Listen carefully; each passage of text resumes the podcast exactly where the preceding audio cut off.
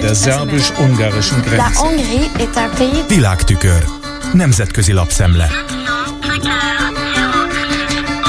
A Szabad Európa Orbán beszédéből a román külügyminisztériumtól kapott levél kapcsán elhangzottakat emelte ki. Hozzátéve, hogy tavaly sem volt botránymentes a magyar miniszterelnök tusványosi beszéde. Amikor az bizonygatta, hogy a magyarok nem akarnak kevert nép, kevert nemzet lenni, ezért más vallású és kultúrájú embereket, menekülteket, ahogy ő mondja, migránsokat nem akar az ország beengedni. Ez a beszéde nem kis felháborodást keltett az Egyesült Államokban, az Európai Unió Unióban is, általában a zsidó közösségekben jegyzi meg alap. Szombaton pedig az ömében magyar kisebbségek körében elmondott beszédéből az ütötte meg leginkább a Szabad Európa tudósítójának a fülét, hogy Orbán szerint átadott neki a román külügyi tárca egy listát, amelyben leírták, milyen témákat kerüljön beszédében. Ezek pedig a kisebbségi jogok, a román nemzeti szimbólumok és a nyugati értékek rossz színben történő feltüntetése volt, idézte a kormányfőt a portál. Majd Orbán nevesítette a nyugati értékeket, mint a migráció, az LMBTQ jogok és a háború, és szerinte nem kell rossz színben ezeket feltüntetni, mert azok önmagukban is olyanok értelmezte a szavakat taps kíséretében a kormányfő viszont megerősítette, hogy ha hazánk lesz egy év múlva az Európai Unió soros elnöke, akkor segíteni fogja Romániát abban, hogy a Schengeni övezet része legyen. Csak mellékesen megegyeznénk, hogy mintegy tíz napja fogadta el az Európai Parlament, hogy még az idén szeretnék Romániát és Bulgáriát a Schengeni övezetben látni. A cikk természetesen eseteli az Orbán kormány és Brüsszel megromlott kapcsolatának hátterét. Tekintve a korrupciót, a demokrácia hanyatlását, és nem mellőzi azt a tényt sem, hogy nemrég választási autokráciának minősítette a magyar politikai rendszert az Európai Parlament. A 2015-ben moszkvai székhelyel alapított Eurézsa déli és mellette számos orosz, illetve ukrán lap is foglalkozott Orbán tusványosi beszédével. És ez a portál azt emelte ki, hogy a nyugati cégeknek mindössze 10%-a hagyta el Oroszországot, legalábbis Orbán Viktor állítása szerint. Aki megismételte, hogy a szankciók az ő általa ismert szakértők szerint sokkal inkább az Európai Uniónak, mint Oroszországnak ártanak. Így nem fogja elérni a célját az uniós vezetés, mert nem lehet Oroszországot leválasztani a világtól. Az orosz nyersanyagra továbbra is szükség van. S ha nem is az uniós országok, akkor mások veszik meg. A háborút okolta ismét a magas infláció miatt, sőt, mint mondta, emiatt veszítette el versenyképességét Európa. Kitért az írás az OTP-re is, mert hogy Orbán hungarofóbiának nevezte, ami a Magyar Bank ellen tervezett szankciókhoz vezetett.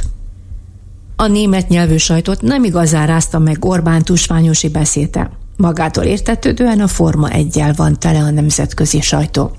Minden esetre a Der Standard is a román diplomáciai konfliktusra hegyezte ki a cikket. Úgy fogalmazott, nevetség tárgyává tette Orbán a román kormányt méghozzá a román állampolgárok, pontosabban az erdélyek előtt.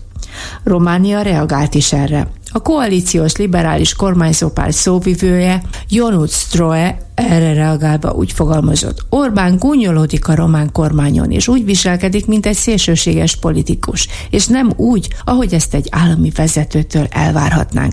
Ez még hozzátette azt is, hogy Románia jó szomszédi viszonyra törekedne Magyarországgal, de egy agitátorral, aki vadabbnál vadabb eszméket hirdet meg évről évre tusványosan, alig ha lehet. A De Standard egyébként tudott arról, hogy pár nappal a beszéd előtt Orbán találkozott a román kormányfővel is. Félő, hogy a két ország közötti viszony ismét mélyre süllyed. Jut erre a következtetésre. Petr Fiala cseh kormányfő is reagált, miután leföderalistázta Orbán őt. Bírálta, hogy nem szuverén Csehország.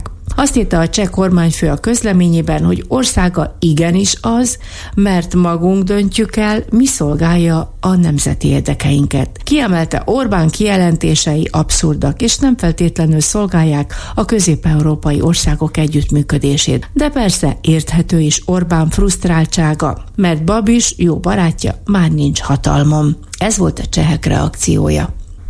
És természetesen sokkoló híreket is összegyűjtöttek az oroszok. A Vicsérnaja Moszkva, az esti Moszkva, egy volt tengerész gyalogságnál szolgált hírszerző Scott Ritter véleményét hozta le aki szerint Lengyelország, Románia és Magyarország között is felosztják majd Ukrajna területének a felét az oroszok. Tudósított erről Leila Alieva. Scott Ritterről nem már tudni, hogy szexuális bűncselekmény miatt elítélték, három évet ült is az Egyesült Államokban, egyébként ő floridai, és rendszeresen interjút ad az orosz állam által pénzett angol nyelvű Russia Today tévének szakértőként. Erről a terület felosztásról ezúttal a YouTube-on. A US Tour of Duty csatornán beszélt és ha Lengyelország is valóban igényt tartana ukrán területekre, akkor az az európai közösség teljes széteséséhez vezetne, prognosztizálta Scott Ritter.